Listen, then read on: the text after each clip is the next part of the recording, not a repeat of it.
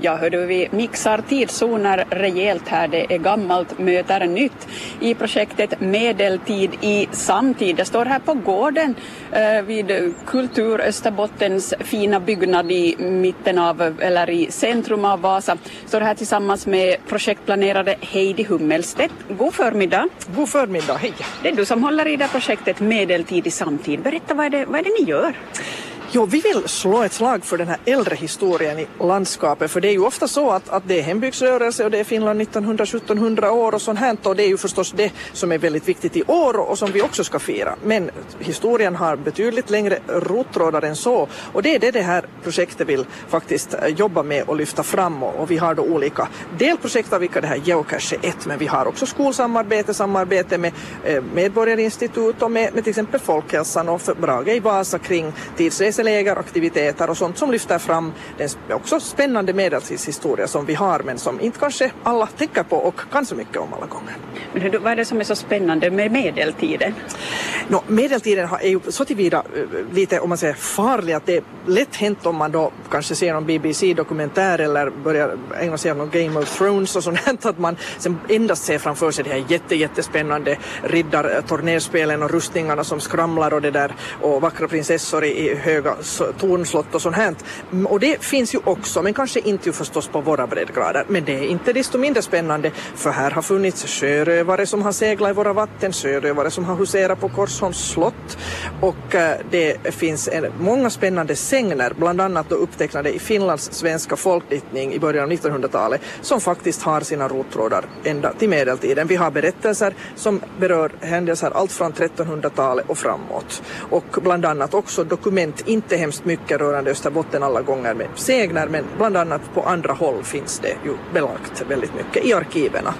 Och det har vi också försökt lyfta fram bland annat genom att vi kan utnyttja transkriberade och moderniserade versioner av dokument som man kan läsa och lära av idag. Vi kräver inte att någon ska kunna tyda de här handskrifterna för det är ytterst få som kan det. Det kan inte jag heller men, men vi har ju hjälpare och experter som kan bistå. Mm. Och ett sätt att sprida de här sägnerna, sägnerna det är via geocaching och nu har jag två geocachare med mig här, Johan Lax och Walter Lax från Maxmo. God förmiddag. God förmiddag. Hej. Hur länge har ni geocachat? Sen 2014. Vad var det som fick er att börja? Um, vi tyckte det såg intressant ut att gå ut i skogen och söka lite gömmor och sånt. Så, ja. ja. för den som aldrig har hört talas om geocaching eller lyckats glömma bort vad det är, Johan, berätta. Geocaching är att eh, man med hjälp av en webbsida där man måste först registrera sig för att få ett användarnamn så får man eh, en karta över var det finns en hel massa eh, intressanta gömmor gömda någonstans. Eh, där finns det då koordinater och man ska fara dit till den platsen och på, när man väl är på plats så ska man hitta en gömd loggbok som då finns i någon burk eller någonting under en sten, hänger i en eh, grankvist eller sedan kan eh, den som har gömt det ha hittat på all möjliga märkliga konstruktioner så ibland är det jättesvårt att hitta de här burkarna fastän man är på rätt ställe. Mm. Hej, då jag är sån där mugglare, vad betyder det? Mugglare, jo det betyder eh, uh, oinvigda, alltså sådana som inte har registrerat sig som geocachare och inte heller då är riktigt eh, med i det här nätverket och kan logga in och, och söka efter allt med alla de koordinater och uppgifter som finns. Så att vi, vi får följa med vid sidan om och kanske jag kan inflika här att också vi mugglare kan lära oss om de här berättelserna som de här geocacharna hänför sig till. Uh, vi kommer senare att lägga ut den på Kultur Österbottens hemsida, det här projektet Medeltid i samtids hemsida och där kommer de här de här länkarna att finnas men alla uppgifter och hemligheter och koordinater finns ju inte för man är ju inte inloggad som jag kanske. Men man missar liksom inte det här alltså säga, grundberättelsen, det missar man inte. Mm. Men platsen hittar man ju inte. Exakt. Det handlar alltså om 13 stycken gömmor som eh, en del är publicerade redan och en del kommer att publiceras så småningom från eh, Sideby i söder till Karleby i norr. Hur, hur reagerade ni på när ni fick det uppdraget egentligen?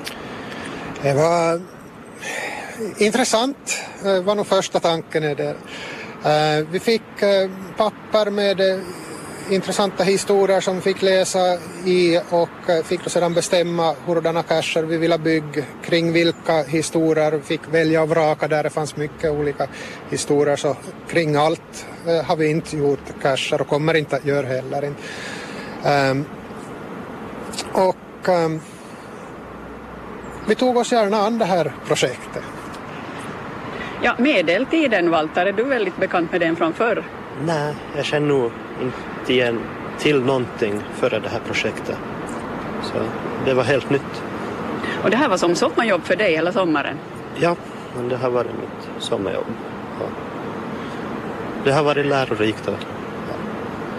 Mm. Ni fick en hel del arkivmaterial att bläddra igenom, men hur valde ni då vilka 13 som, som skulle bli gömmor?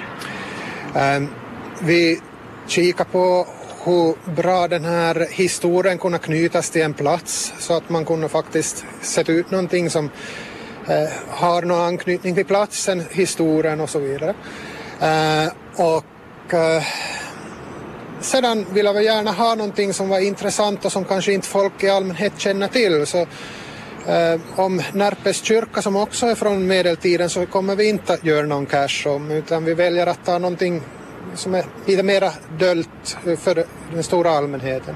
Som exempel kan jag nämna att i Orvas så finns en sten på gravgården som heter Radbandstenen. Där ska man på katolska tiden ha träffats, eh, kom seglande dit från olika håll eh, för att hålla gudstjänst kring den här stenen. Eh, och eh, enligt vissa källor ska det här vara äldsta gudstjänstplatsen i Österbotten. Och eh, ytterst få människor känner till det här och det här är ett exempel på sådana här grejer som vi vill ha lyft fram i cachen. Mm. Och de här texterna då som man hittar i cachen eller det som man kan läsa då via webbsidan, de är något längre än vad de brukar vara kanske i, i vanliga cache-sammanhang? Eh, väldigt varierande. Vissa har bara typ fem ord som beskriver cachen och andra kan ha eh, långa romaner som ingen orkar läsa. Eh, och eh, här har vi försökt att hålla oss på en sån nivå att det blir inte allt för långt så att folk faktiskt orkar läsa men ändå så att de får en, en liten gnutta historia serverad. Mm och på finska och svenska dessutom. Uh, ibland uh, geocache, geocacher som man hittar så det är ju bara en liten burk under någon sten eller under mossan någonstans men ni har faktiskt jobbat väldigt hårt på, på de här gömmorna. Ni har byggt och snickrat och en fågelholk har ni här till uppvisande också. Ja, vi har varit i garage och använt gamla plankor vi har hittat, såga, spika lite målat. Och gjort en gömma av det då. Mm. Och ni, nu ska de ut i, ja vi ska ju inte avslöja vart de ska, men de ska ju gömmas på ett sätt så att vi mugglare inte hittar dem. Ja, därför har vi bland annat de målat de här brädorna för att de ska smälta bättre in i eh, omgivningen. Vi har för tillfället då sex i terrängen redan men sju stycken ska ännu gömmas någonstans. Eh, de som hittills har blivit publicerade är norrut i Österbotten från Vasa sett. Och um, i tur kommer att börja dyka upp cacher söder om Vasa. Mm. Heidi, nu är det medeltiden som är på tapeten men kunde man använda det samma koncept vid andra tidsåldrar? Absolut, ja det är faktiskt en mycket, mycket så här god både idé och, och projekttanke. Det är absolut för att det, det, är ett trevligt sätt att kombinera information med, om man nu säger nya tekniker, men nya sätt att föra ut det. Att vi bara inte står och föreläser utan att det, det är det där man kan knyta an det till en trevlig hobby som geocaching ju är och som lockar allt fler hela tiden och, och dessutom kombinera det med friluftsliv. För ofta så säger man ju att jo, jo, att, att gamla historiska källor, då ska man sitta i något dammigt arkiv och, och det där rör inte en fena, men här handlar det uttryckligen om att röra på sig och vara ute i skog och mark. Så det är ett jättetrevligt sätt att föra ut historiska tidsperioder. Att nu är det medeltiden som gäller men, men naturligtvis också andra perioder. Det, det passar jättebra ihop. Vilken tidsålder skulle ni gärna ta er an till näst? Ingen aning. Walter? Jag vet inte heller. Mm. Vi kan hålla sig nutiden också. Ja. Passar bra.